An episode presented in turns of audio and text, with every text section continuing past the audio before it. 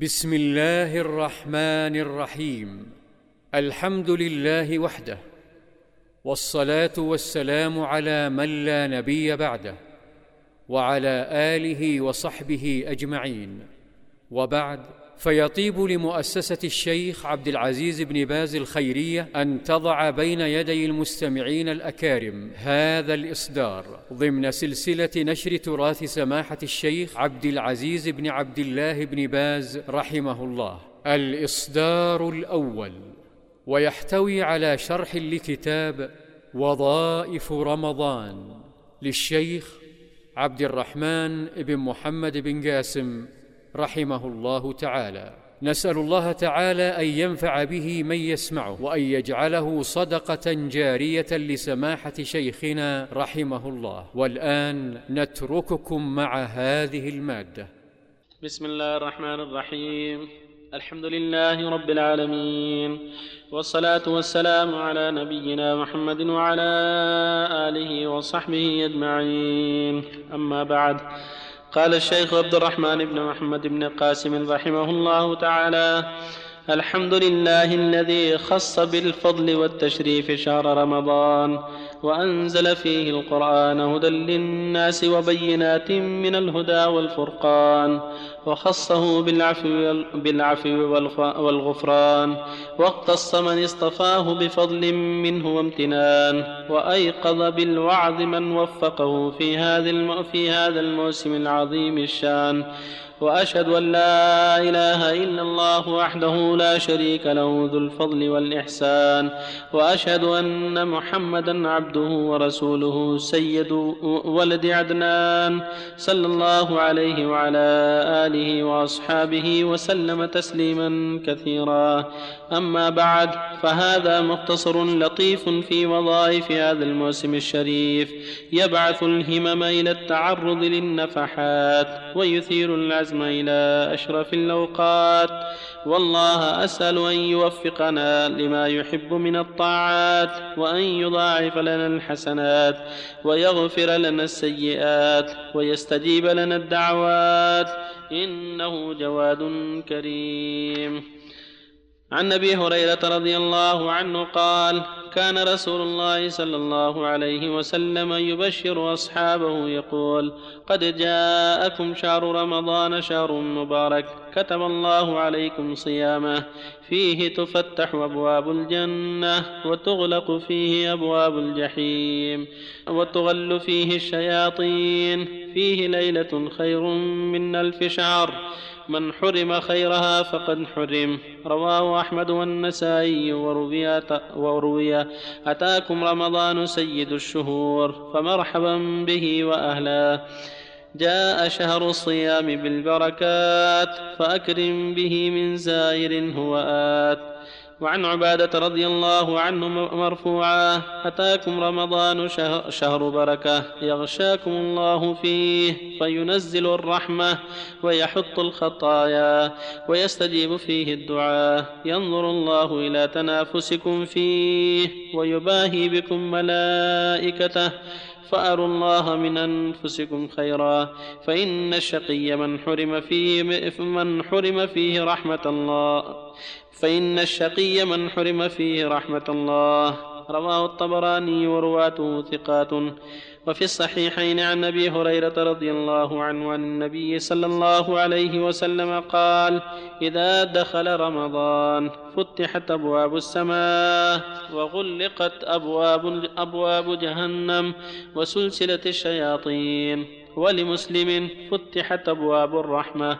وله أيضا عن أبي هريرة رضي الله عنه مرفوعا إذا جاء رمضان فتحت أبواب الجنة وأغلقت أبواب النار وصفدت الشياطين. وعنه رضي الله عنه أن رسول الله صلى الله عليه وسلم قال إذا كان أول ليلة من رمضان صفدت الشياطين ومردت الجن وغلقت أبواب النيران فلم يفتح منها, منها باب وفتحت أبواب الجنة فلم يغلق منها باب وينادي مناد يا باغي الخير أقبل ويا باغي الشر أقصر ولله عتقاء من النار وذلك كل ليلة رواه الترمذي والنسائي والحاكم.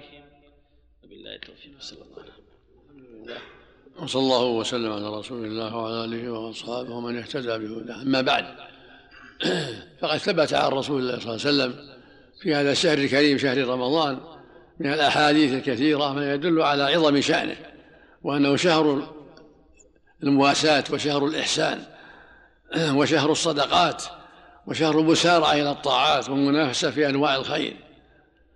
شهر تفتح فيه أبواب الجنات وتغلق فيه أبواب جهنم وتصفت فيه الشياطين. شهر جعل الله صيامه فريضة وقيام ليله تطوعا. تفتح فيه أبواب الجنة تغلق فيها أبواب جهنم تفتح فيها أبواب السماء وأبواب الرحمة. وينادي فيه منادي يا باغي الخير يقبل ويا باغي الشر اقصر. ولله عتق من النار وذلك كل ليلة. فالجدير بالمؤمن والمؤمنة المنافسة في هذا الخير والمسارعة في هذا الشر الكريم إلى أنواع الطاعات. فهو شهر عظيم. ما مر بالمسلم شهر أفضل منه ولا مر بالمنافقين شهر, شهر شر عليهم منه لعدم إحسانهم فيه وعدم قيامهم بحقه. فالمؤمن يسارع في الخيرات ويخالف فيه أهل النفاق فيجتهد في طاعة الله وأداء فرائضه ترك محارمه ويسارع فيه إلى أنواع الخير من الصدقات والتسبيح والتهليل والتكبير. وقراءة القرآن والاكثار من كل خير ولا سيما قراءة القرآن. هذا شهر القرآن. ينبغي المؤمن أن يكثر فيه من قراءة القرآن. كل حرف بحسنة والحسنة بعشر أمثالها مع التدبر والتعقل. كما قال الله سبحانه كتاب أنزلناه إليك مبارك ليدبروا آياته وليتذكر أولو الألباب. قال سبحانه إن هذا القرآن يهدي للتي هي أقوم قال جل وعلا وهذا كتاب أنزلناه مبارك فاتبعوه واتقوا لعلكم ترحمون. فجدير بالمؤمن أن يعنى بهذا الكتاب العزيز القرآن وأن يتدبره ويكثر من تلاوته. وكان النبي صلى الله عليه وسلم في هذا الشهر الكريم يدارس جبرائيل القرآن الكريم كل ليلة. وفي الشهر وفي السنة الأخيرة درسه القرآن ليلتين. ففي هذا الحث على مدرسة القرآن والعناية به والاستكثار منه لما فيه من الخير العظيم والحسنات الكثيرة كل حرف بحسنة والحسنة بعشر أمثالها وهكذا ينبغي المؤمن أن يستكثر فيه من الصدقات ومواساة الفقراء والمحاويج.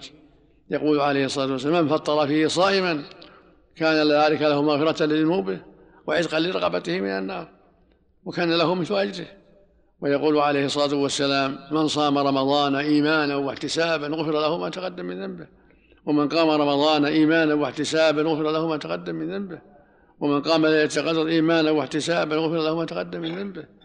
ويقول النبي صلى الله عليه وسلم يقول الله عز وجل كل عمل ابن آدم له الحسنة بعشر أمثالها إلى سبعمائة ضعف. يقول الله سبحانه إلا الصيام فإنه لي وأنا أجزي به ترك شهوته وطعامه وشرابه من أجلي للصائم فرحتان فرحة عند فطره وفرحة عند لقاء ربه. ويقول عليه الصلاة والسلام يا أصحابه إذا جاء رمضان أتاكم شهر رمضان. شهر بركة يخشاكم الله فيه فيحط الخطايا ويستجيب الدعاء. وينظر فيه إلى تنافسكم فيباهيكم ملائكته. فأروا الله من أنفسكم خيرا فإن الشقي من حرم فيه رحمة الله. ويقول عليه الصلاة والسلام من لم يدع قول الزور والعمل به والجهل فليس لله حاجة في أن يدع طعامه وشرابه. فالواجب على المؤمن أن يحذر محارم الله. المعاصي محرمة في كل وقت وفي كل مكان.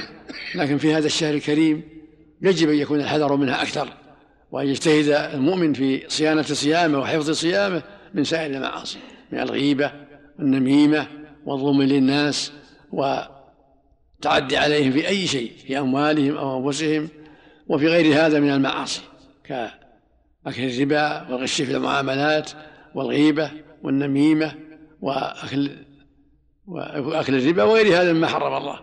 فالمؤمن يحذر كل معصية الله كل معاصي الله ويبتعد عنها يرجو ثواب الله ويخشى عقاب الله ويجتهد في أداء فرائض الله يؤدي الصلاة في الجماعة ويحافظ عليها جميع الأوقات الخمسة يبر والديه يصل أرحامه يدعو إلى الله يأمر بالمعروف ينهى عن المنكر يحذر كل شر ويجتهد في كل خير ولا سيما في هذا الشهر الكريم شهر الصيام. وشهر الصدقات وشهر القيام وشهر مضاعفة الحسنات.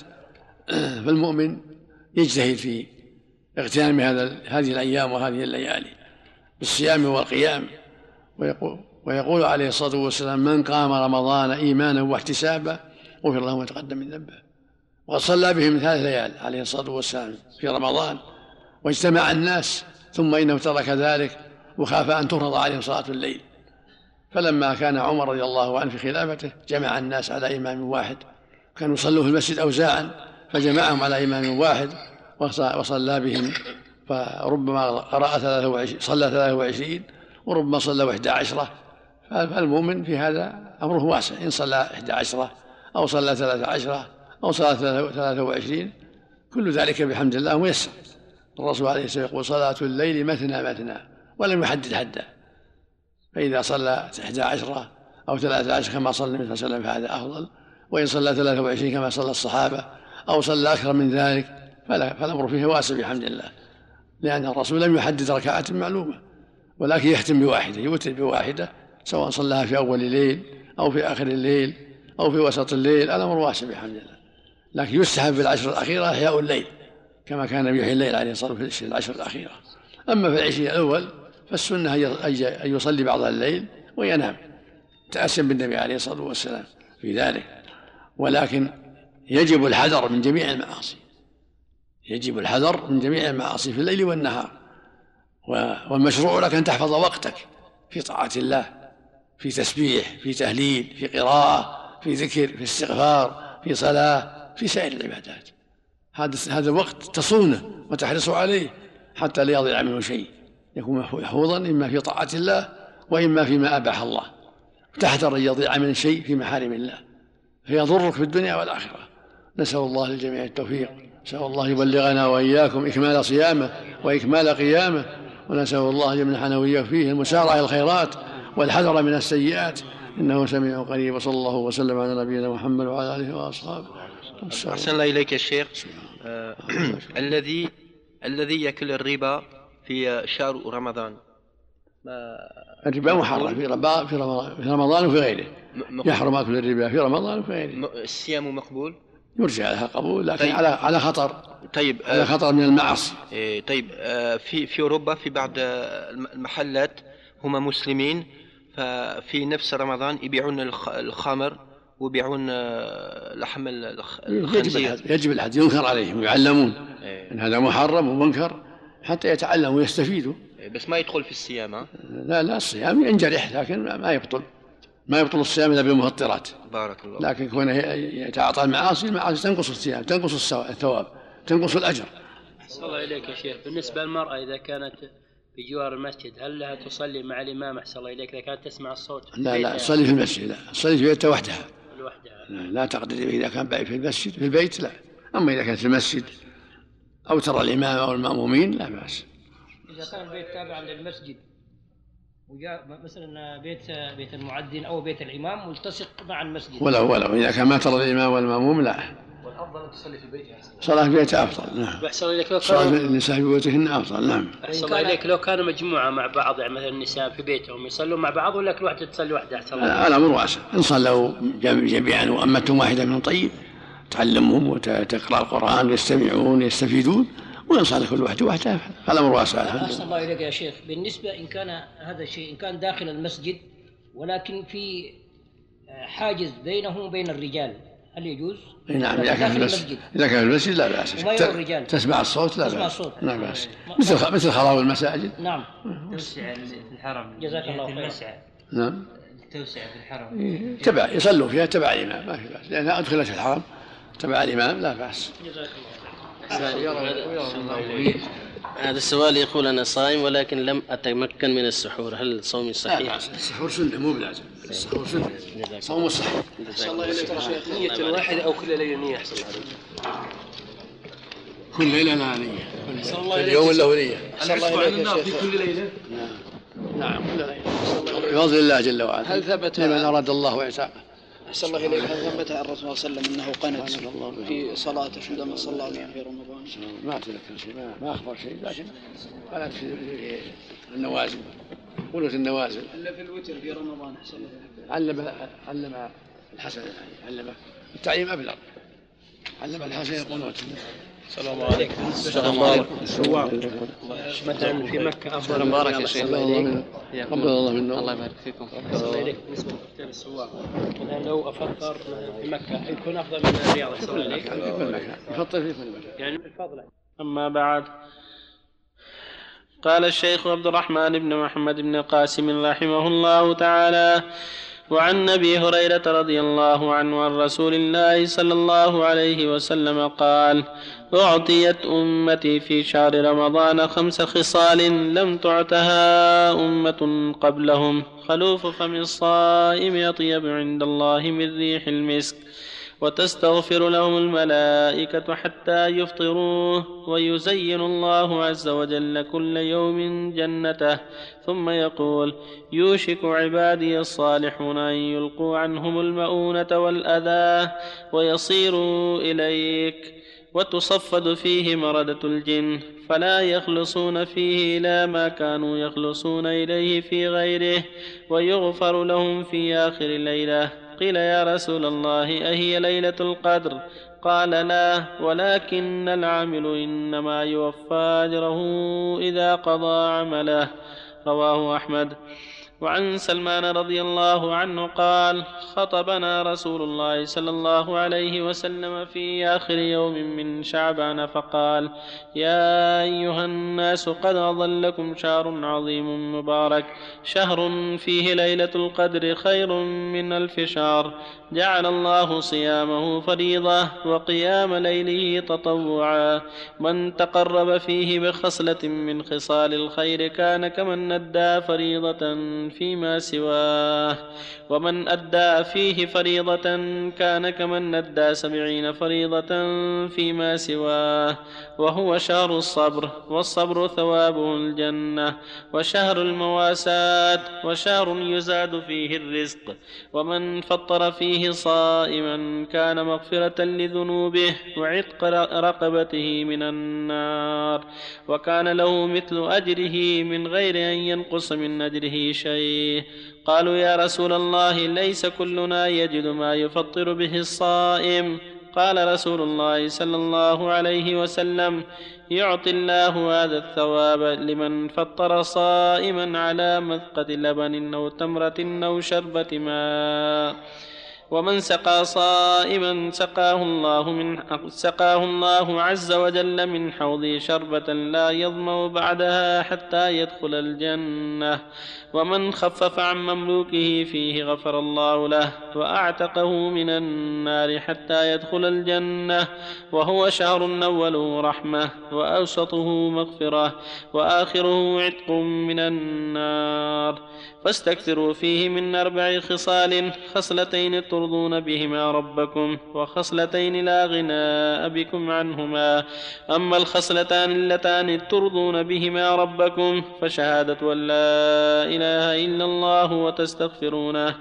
وأما اللتان لا غناء بكم عنهما فتسألون الله الجنة وتعوذون به من النار. رواه ابن خزيمة والبيقي وغيرهما. وعن أبي هريرة رضي الله عنه عن رسول الله صلى الله عليه وسلم قال أظلكم شهركم هذا بمحلوف رسول الله صلى الله عليه وسلم.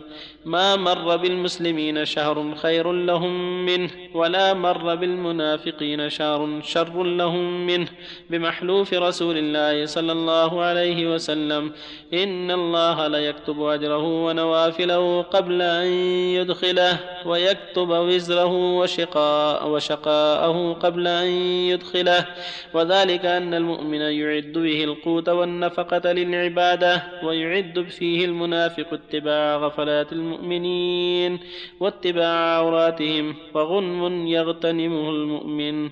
وقال بندار وقال بندار في حديثه فهو غنم للمؤمنين يغتنمه الفاجر. رواه ابن خزيمة في صحيحه وغيره. بالله التوفيق صلى الله وسلم على رسول الله. وعلى آله وأصحابه ومن اهتدى بهدى أما بعد فهذه الأحاديث فيها الحث على اغتنام هذا الشهر الكريم بالأعمال الصالحة وأنه لا شهر أفضل منه وأنه غنيمة للمؤمن وفرصة للمؤمن يتقرب فيه بأنواع الخير ويسارع فيه إلى أنواع الطاعات. فينبغي المؤمن أن ينتهز هذه الفرصة ولهذا جاء في حديث أبي هريرة المتقدم يقول صلى الله عليه وسلم أعطيت أمتي في هذا في رمضان خمس خصال. لم تعطها أمة قبلها. خلوف من صام يطيب عند الله من ريح المسك. وهذا جاءت به الأحاديث الصحيحة. وتستغفر الملائكة حتى يفطروا ويزين الله كل يوم جنته ويقول يوشك عباد الصالحون أن يوقوا عنهم المؤونة والأذى ويصيروا إليك. وتصفت فيه الشياطين ومرضت الجن فلا يخلصون فيه لما يخلصون إلى غيره.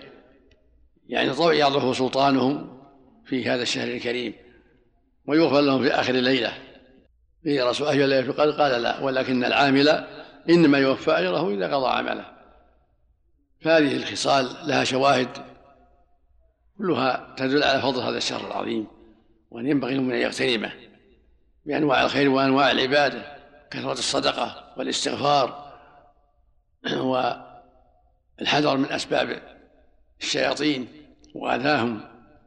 فإن المؤمن وإن كان في هذا الشهر الكريم قد أعانه الله ويسر أمره وأضعف أضعف شيطانه لكن ينبغي له أن يجاهد نفسه حتى تستمر هذه العبادات وهذا النشاط في جميع السنة.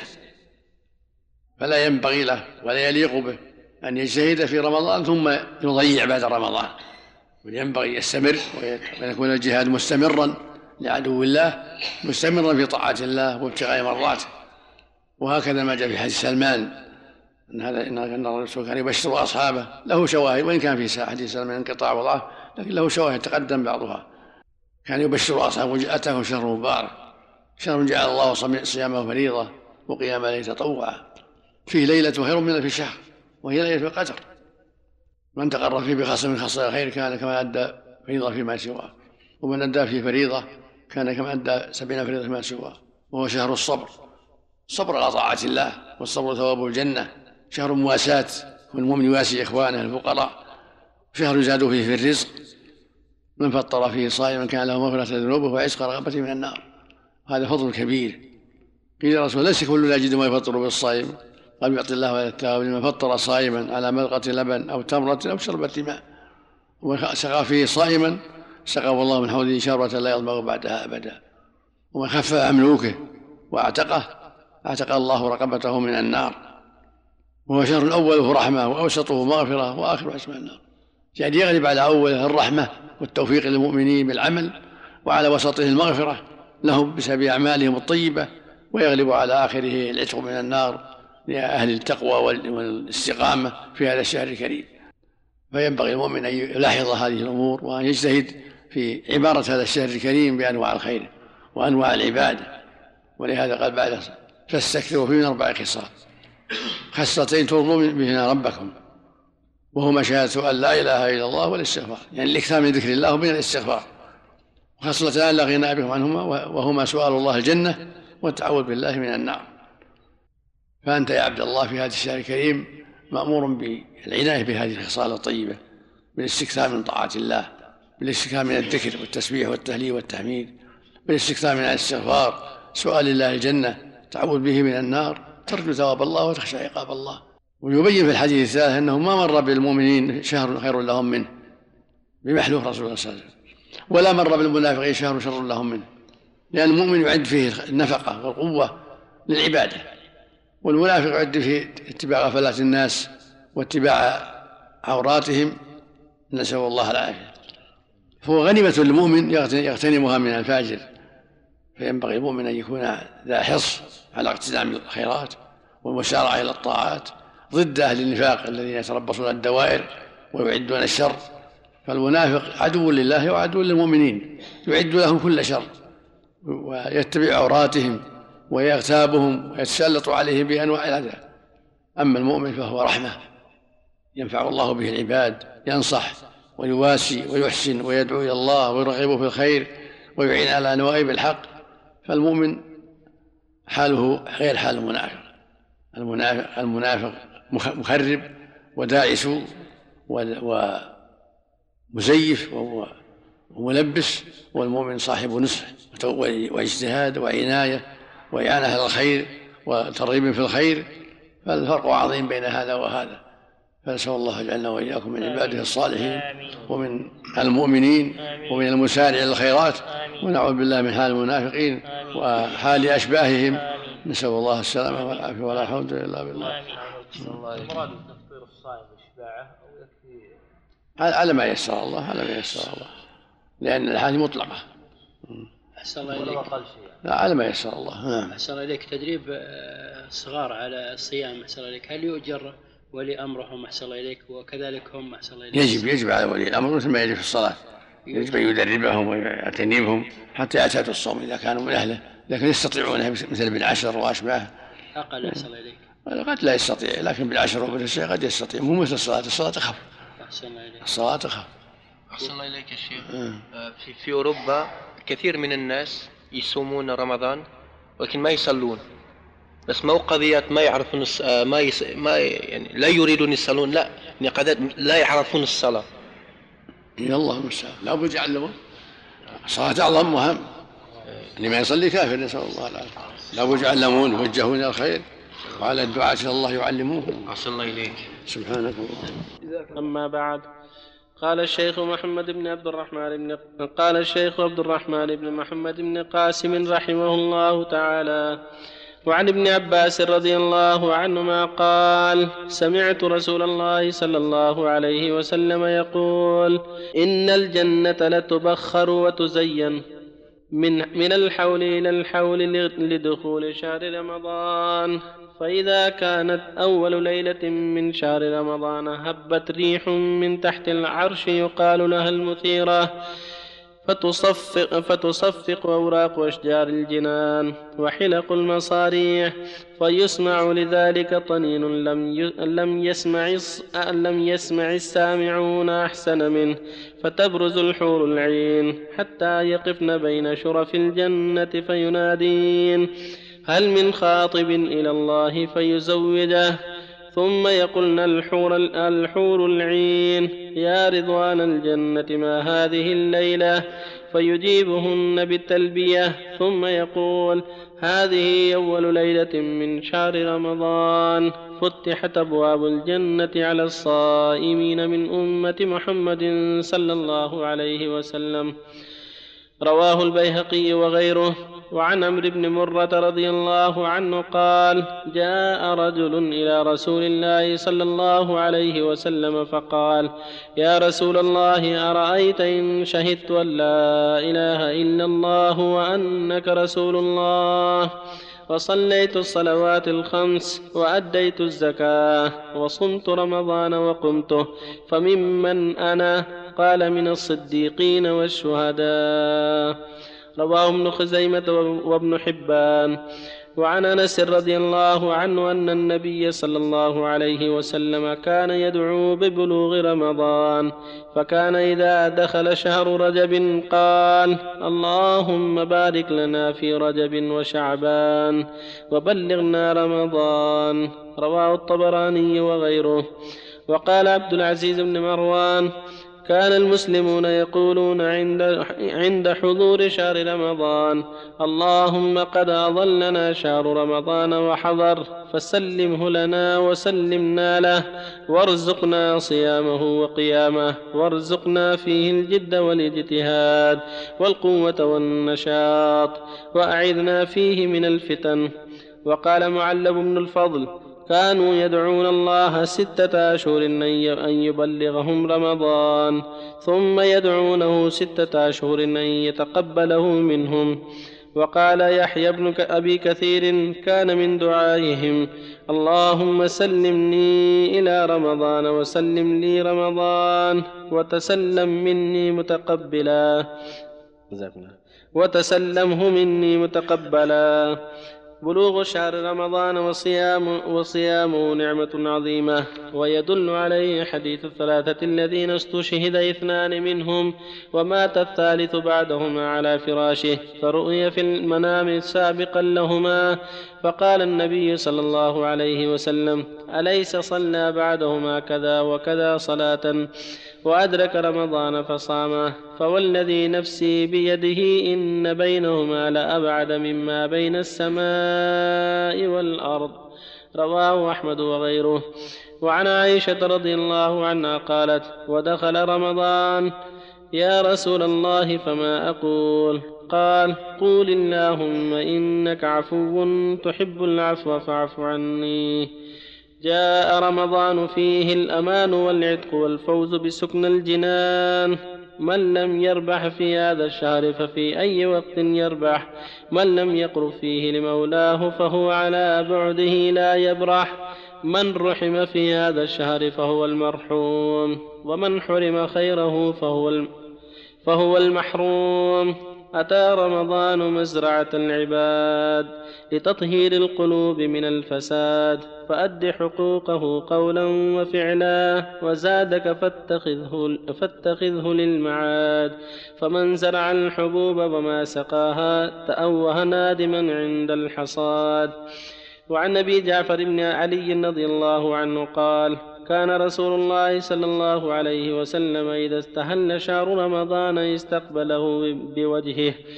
ثم يقول اللهم أهله علينا بالأمن والإيمان والسلامة والإسلام والعافية المجللة ودفاع الأسقام والعون عن الصلاة والصيام وتلاوة القرآن. اللهم سلمنا لرمضان وسلمه لنا وتسلمه منا حتى يخرج رمضان. وقد, غف وقد غفرت لنا ورحمتنا وعفوت عنا.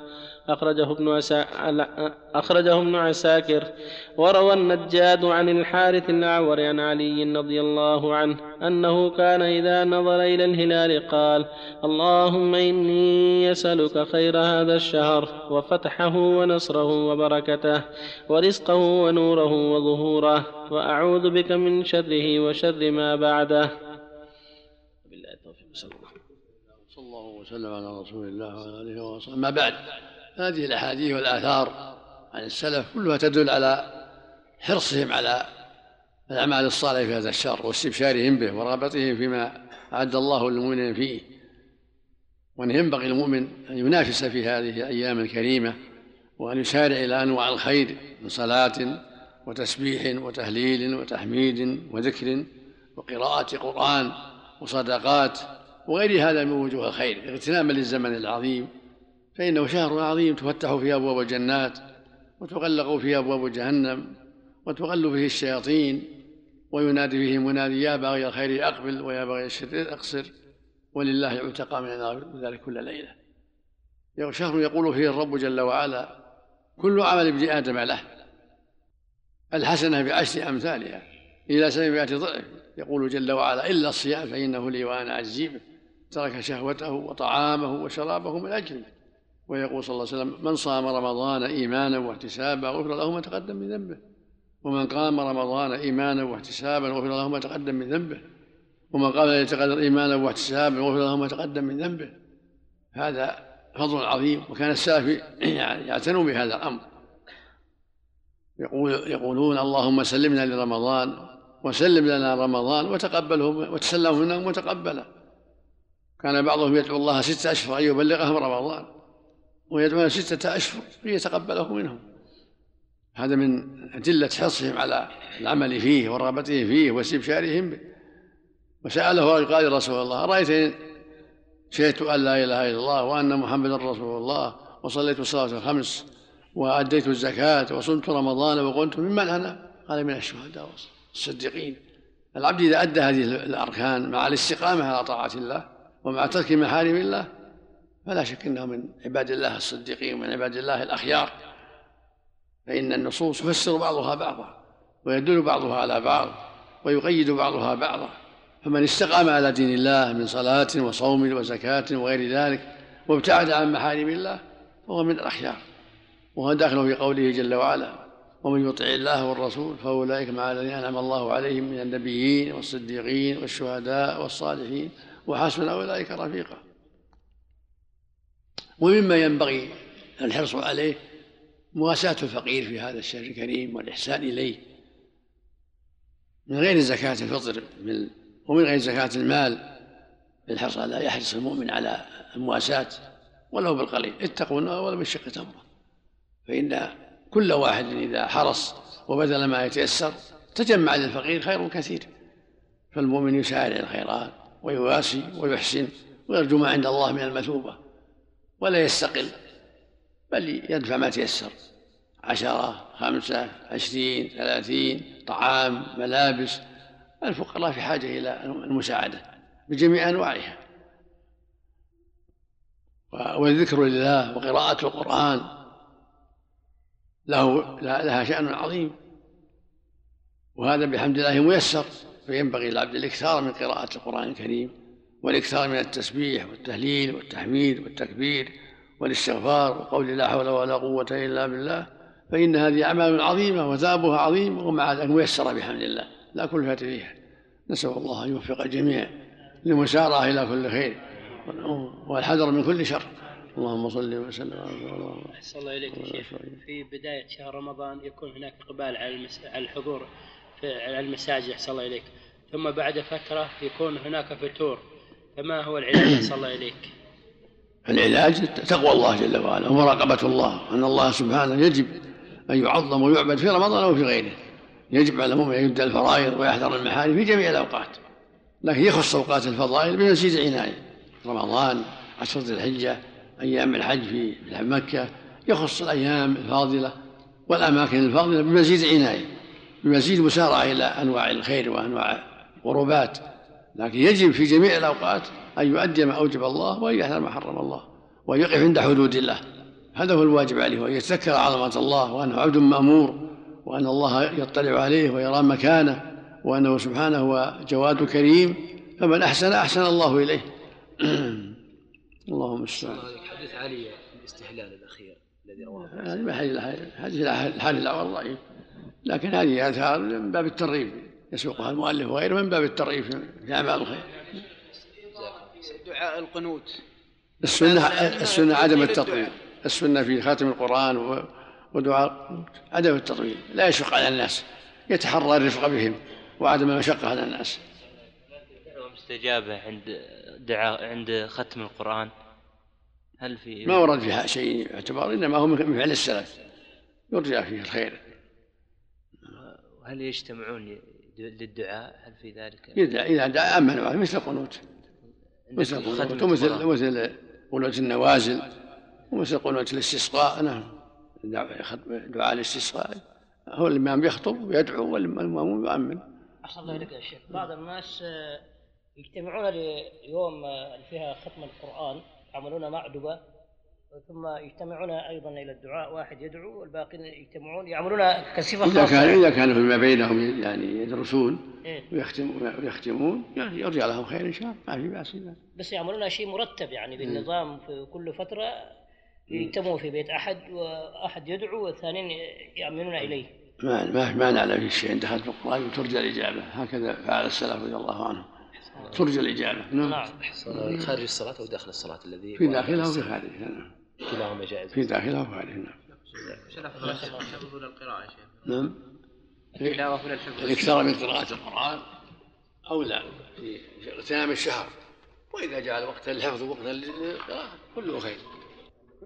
أما بعد قال الشيخ عبد الرحمن بن محمد بن قاسم رحمه الله تعالى في فضل صوم شهر رمضان في الصحيحين عن أبي هريرة رضي الله عنه عن النبي صلى الله عليه وسلم قال كل عمل ابن آدم له الحسنة بعشر أمثالها إلى سبعمائة ضعف قال الله تعالى إلا الصيام فإنه لي وأنا أجزي به ترك شهوته وطعامه وشرابه من نجلي.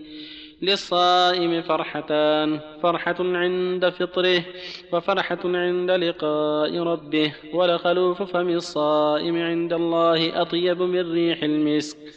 وفي رواية كل عمل ابن آدم له إلا الصيام فإنه لي. وفي رواية للبخاري لكل عمل كفارة والصوم لي وأنا أجزي به. ولأحمد كل عمل ابن آدم ك... كل عمل ابن آدم كفارة إلا الصوم فإنه لي وأنا أجزي به. فعلى الرواية الأولى يكون استثناء الصوم من الأعمال المضاعفة فتكون الأعمال تضاعف بعشر أمثالها إلى سبعمائة ضعف إلا الصوم فإنه لا ينحصر تضعيفه بل يضاعفه الله أضعافا كثيرة. فإن الصيام من الصبر وقد قال الله تعالى إنما يوفى الصابرون أجرهم بغير حساب. ولهذا روي عن النبي صلى الله عليه وسلم أنه قال شهر رمضان شهر الصبر وعنه أنه قال الصوم نصف الصبر. رواه الترمذي. والصبر ثلاثة أنواع. صبر على طاعة الله وصبر عن محارم الله وصبر على أقدار الله المؤلمة وتجتمع الثلاثة كلها في الصوم. وتقدم في حديث سلمان هو شهر الصبر والصبر ثوابه الجنة. وروى الطبراني عن ابن عمر رضي الله عنهما مرفوعا الصيام لله لا يعلم ثوابه إلا الله. واعلم أن مضاعفة الأجر للأعمال تكون بأسباب منها شرف المكان منها شرف المكان المعمول في ذلك العمل كالحرم ولذلك تضاعف الصلاة في مسجدي مكة والمدينة كما ثبت في الصحيح صلاة في مسجدي هذا خير من ألف صلاة فيما سواه من المساجد إلا المسجد الحرام. وفي رواية فإنه أفضل. ولذلك روي أن الصيام يضاعف بالحرم. وفي سنن ابن ماجه بإسناد ضعيف عن ابن عباس رضي الله عنهما مرفوعا. من أدرك رمضان بمكة فصامه وقام منه ما تيسر. كتب الله له مئة ألف شهر رمضان فيما سواه. وذكر له ثوابا كثيرا. ومنها شرف الزمان كشهر رمضان وعشر ذي الحجة. وتقدم في حديث سلمان في فضل شهر رمضان من تطوع بخصلة من خصال الخير كان كمن ندى فريضة. من جزاكم الله خير. من تطوع فيه بخصلة من خصال الخير كان كمن أدى فريضة فيما سواه ومن ندى فيه فريضة كان كمن ندى سبعين فريضة فيما سواه. وفي الترمذي عن أنس رضي الله عنه سئل النبي صلى الله عليه وسلم أي الصدقة أفضل؟ قال صدقة في رمضان. وفي الصحيحين عنه رضي الله عنه عن النبي صلى الله عليه وسلم قال عمرة في رمضان وفي الصحيحين عنه صلى الله عليه وسلم قال عمرة في رمضان تعدل حجة أو قال حجة معي وروي في حديث أن عمل الصائم مضاعف.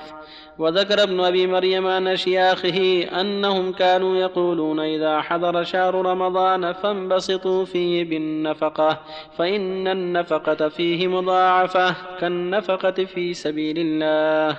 وتسبيحة أفضل من ألف تسبيحة في غيره. قال النخعي صوم يوم صوم يوم من رمضان أفضل من ألف يوم وتسبيحة فيه أفضل من ألف تسبيحة وركعة فيه أفضل من ألف ركعة. فلما كان الصيام في نفسه مضاعفا أجره بالنسبة إلى سائر الأعمال كان صيام شهر رمضان مضاعفا على سائر الصيام لشرف زمانه وكونه هو الصوم الذي فرضه الله على عباده وجعل صيامه أحد أركان الإسلام التي بني الإسلام عليها. الحمد لله وصلى الله وسلم على رسول الله وعلى آله وأصحابه ومن اهتدى به أما بعد فهذه الأحاديث والآثار كلها تتعلق ببيان فضل العمل في هذا الشهر الكريم. فهو سيد الشهور وأفضل الشهور والأعمال فيه مضاعفة. من تسبيح وتحليل تكبير وقراءة قرآن وصلاة وصدقات وأمر معروف ونهي عن منكر ودعوة إلى الله وجهاد وغير هذا من وجوه الخير. كلها مضاعفة. من ذلك الصيام. يقول الله جل وعلا كل عمل ابن آدم له الحسنة بعشر أمثالها إلى سبعمائة ضعف إلا الصيام فإنه لي فإنه لي وأنا أجزي به. معناه أن الصيام لا يعلم كثرة مضاعفته وعدد مضاعفته إلا الله سبحانه وتعالى وأنه يضاعف كثيرا. إلا الصيام فإنه لي وأنا أجزي به ترك شهوته وطعامه وشرابه من أجلي. يعني المؤمن ترك هذه المستحيات وهذه المفطرات من أجل الله يتقرب إليه سبحانه وتعالى بترك شهواته ابتغاء مرضاته سبحانه وتعالى. وهذه الشهوات صعب على النفوس تركها. ما بين طلوع الفجر إلى غروب الشمس صعب على النفوس تركها. أكل وشرب وجماع وغير ذلك ولكن متى تركها العبد لله يبتغي ثوابه ويطلب أجره ويعظم أمره صار له بذلك الأجر العظيم عند الله عز وجل. ولهذا قال جل وعلا كل عمل ابن آدم له الحسنة بعشر أمثالها. إلى سبعمائة إلا الصيام فإنه لي وأنا أجزي به. خصه له. لأن العبد أضمر هذا الإخلاص في قلبه وتقرب إليه بمحابة من, من هذه الدنيا من طعام وشراب ونكاح وغير ذلك يرجو ثوابه. تركها ابتغاء مرضاته. وقد يتركها في وقت هو أشد ما يكون حاجة فيها كأيام الصيف. أيام الصيف طويلة والحاجة فيها إلى الشراب شديدة ومع هذا فالمؤمن يتقرب إلى الله بترك هذه الشهوات في الشتاء والصيف يرجو ثواب الله ويخشى عقابه سبحانه وتعالى. فشكر الله له هذا العمل وضاعف له المثوبة سبحانه وتعالى. فينبغي المؤمن أن يحتسب هذه الأشياء وأن يجتهد في أعمال الخير يرجو ثواب الله ويخشى عقابه. كما يجب أن يحذر السيئات والمعاصي كلها لأن المعصية في هذا الشهر عظيمة. يقول النبي صلى الله عليه وسلم من لم يدع قول الزور والعمل به والجهل فليس لله حاجة في أن يدع طعامه وشرابه. ويقول الصيام جنة. فإذا كان يوم صوم أحدكم فلا يرفث ولا يسخب فإن سابه حد أو قاتل فليقول إني صائم. فليس الصيام عن الطعام والشراب إنما الصيام عن اللغو والرفث عما حرم الله جل وعلا. ويقول عليه الصلاة والسلام من صام رمضان إيمانا واحتسابا غفر له ما تقدم من ذنبه ومن قام رمضان إيمانا واحتسابا غفر له ما تقدم من ذنبه. ومن قام ليلة القدر إيمانا واحتسابا غفر له ما تقدم من ذنبه. ويقول صلى الله عليه وسلم عمرة في رمضان تعدل حجة. وفي اللفظ الآخر حجة معي معه عليه الصلاة والسلام. هذا فضل كبير. والأعمال تضاعف بسبب شرف الزمان. وقد تضاعف بشرف المكان. وقد تضاعف بشرف العامل نفسه فالمضاعفة بسبب شرف المكان مثل الحرمين الشريفين. فإن العمل في مكة من صلاة وصوم وصدقات تضاعف وطواف وغير ذلك تضاعف في مكة. في الحديث الصحيح يقول صلى الله عليه وسلم صلاة المسجد الحرام أفضل من مئة صلاة فيما سواه مئة صلاة. أما الصيام فلم يرد فيه حديث ثابت في مضاعفته في مكة. رواية ابن ماجه أنه يضاعف بمئة ألف رمضان هذا حديث ضعيف. لكن على كل حال الصيام في مكة والتسبيح وقراءة القرآن وغيرها من أعمال الصالحات مضاعفة لكن لا يعلم عدد المضاعفة ولا كميتها إلا هو سبحانه وتعالى. وهكذا الصوم والصدقات والصلاة وسائر الأعمال الصالحة مضاعفة أيضا في المسيح في المدينة المنورة. يقول صلى الله عليه وسلم صلاة مسجد هذا خير من ألف صلاة فيما سواه إلا المسجد الحرام. وصلاة المسجد الحرام أفضل من صلاة في مسجد هذا بمئة صلاة. يعني مئة ألف بالنسبة إلى غير مسجده عليه الصلاة والسلام. فالحزم والكيس والمشروع للمؤمن أن يضاعف الأعمال في مكة والمدينة وفي هذا الزمان في في رمضان. فإن الصدقة والأعمال الصدقة تضاعف في الزمان أيضا الفاضل كرمضان وكعشر ذي الحجة تضاعف فيها الأعمال الصالحات. والإنسان لا يدري ما حياته فيشرع له اغتنام الفرص في في كثرة الأعمال الصالحات في الزمن الفاضل كرمضان وعشر الحجة في المكان الفاضل كمكة والمدينة. يرجو ثواب الله ويخشى عقاب الله. وكل ما كان الإنسان أكثر عملا صالحا كانت المضاعفة أكثر. فمضاعفة العمل لأصحاب الرسول صلى الله عليه وسلم أكثر من غيرهم لفضلهم وكمال إيمانهم. حتى قاصد النبي صلى الله عليه وسلم لو أنفق أحدكم مثل أحد ذهبا ما بلغ مد أحدهم ولا نصيفه لو أنفق مثل مثل أحد مثل أحد ذهب. أحد جبل عظيم في المدينة. لو أنفق الإنسان مثله ذهبا ما بلغ مد الصحابة ولا نصيف الصحابة رضي الله عنهم وأرضاهم. هذا فضل عظيم لأصحاب النبي عليه الصلاة والسلام. وهكذا من كان مجتهدا من الأعمال الصالحات والتقوى لله تكون أعماله مضاعفة. وينبغي المؤمن في هذا الشهر الكريم اغتامه كثرة الصدقات تسبيح تهليل تفطير الصوام كثرة الاستغفار إلى غير هذا من وجوه الخير اغتناما لهذه الأيام الفاضلة. ويروى عنه صلى الله عليه وسلم من حديث سلمان أنه قال في هذا الشهر الكريم خصلة فيه يعني تقرب في الصيام كان كما أدى فريضة فيما سواه. ومن أدى في فريضة كان كمن أدى سبعين فريضة فيما سواه.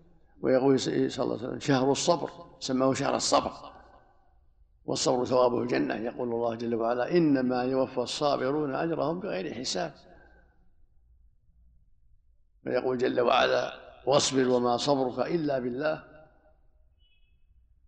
فالمقصود أن هذا الشهر فيه صبر على الصيام وصبر على القيام وصبر على حفظ الجوارح عما حرم الله وصبر على أعمال الخير. هو شهر شهر الصبر من جميع الوجوه. فالمشروع المؤمن والمؤمنة كثرة الأعمال الصالحات فيه والصبر في ذلك على كل خير مع الصبر على كف النفس عما حرم الله. يجاهدها حتى لا تقدم على ما حرم الله وحتى لا تكسل عن ما شرع الله. رزق الله الجميع التوفيق والقبول والهداية وصلى الله وسلم اللهم صل وسلم الله صلى الله عليك يا شيخ بالنسبة إذا كان الإنسان بالحرم هل الافضل أن يقرأ القرآن أو يأخذ سبعة؟ صلى الله عليك.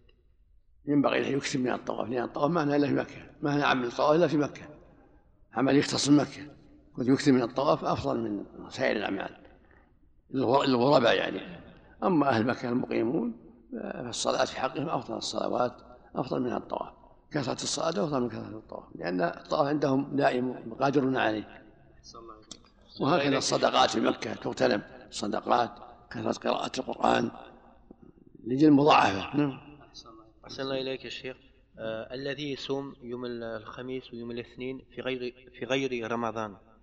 آه في بعض الإخوان مثلا يقولون تفضل الشاي وتفضل معنا فهو صايم. ما هو الأحسن؟ يعلمهم ولا ما يعلمهم؟ لا أفضل يكمل صومه يقول إني صائم اعذروني مثل ما قال صلى الله عليه وسلم. بالسر يعني. إذا دعي أحدكم وهو صائم فليقول إني صائم ما في بأس. يقول إني صائم. ما في بأس. جزاك الله خير. حصل لك يا شيخ بالنسبة للإنسان خاصة في هذه الزمان ألا وهي في أيام رمضان إن كان إنسان في مكة ارتكب مخالفة شرعية هل تكون أيضا الإثم مضاعف؟ مضاعف من جهة الكيفية نعم. لا من جهة العدد. العدد سيئة سيئة بسيئة. نعم. لكن سيئة مكة أعظم من سيئة في الطائف أو في مكة أو في الرياض. نعم. وفي رمضان يكون أعظم؟ وسيئة في رمضان أعظم من سيئة في شعبان. نعم. من جهة عظم عظم عظم الوزر يعني. نعم. عظم الإثم. نعم. ولكن لا تعدد. كيف شيء لا تعدد. جزاك الله خير. يقول صلى الله جل وعلا من لا من جاء بالحسنة له عشر أمثالها. نعم. ومن جاء بالسيئة فلا يجزى إلا مثلها. نعم. نعم. جزاك الله خير قول الرجل إني صايم في صيام رمضان يقولها جهرا ام سرا؟ لا يقول يقول لا, لا, لا, لا يعتذر من أخيه من كان في عذر لا لا يتهمه أنه لا يكره لا, لا يحب مجيئه أو أنه يهجرها وفي رمضان كل الناس يعرفون أنه صائم أحسن الله إليك يا شيخ. إذا قال أيضاً صائم ما في المدينة أيضا بالنسبة للي يرتكب مخالفة يكون أيضا كذلك نعم. تعظم. تعظم. الحسنات تضاعف والسيئة تعظم. جزاك الله خيرا. زادك الله علما. وهكذا في ذي الحجة. نعم. سبحانك الله في عشر ذي الحجة سبحانك الله جزاك الله خيرا.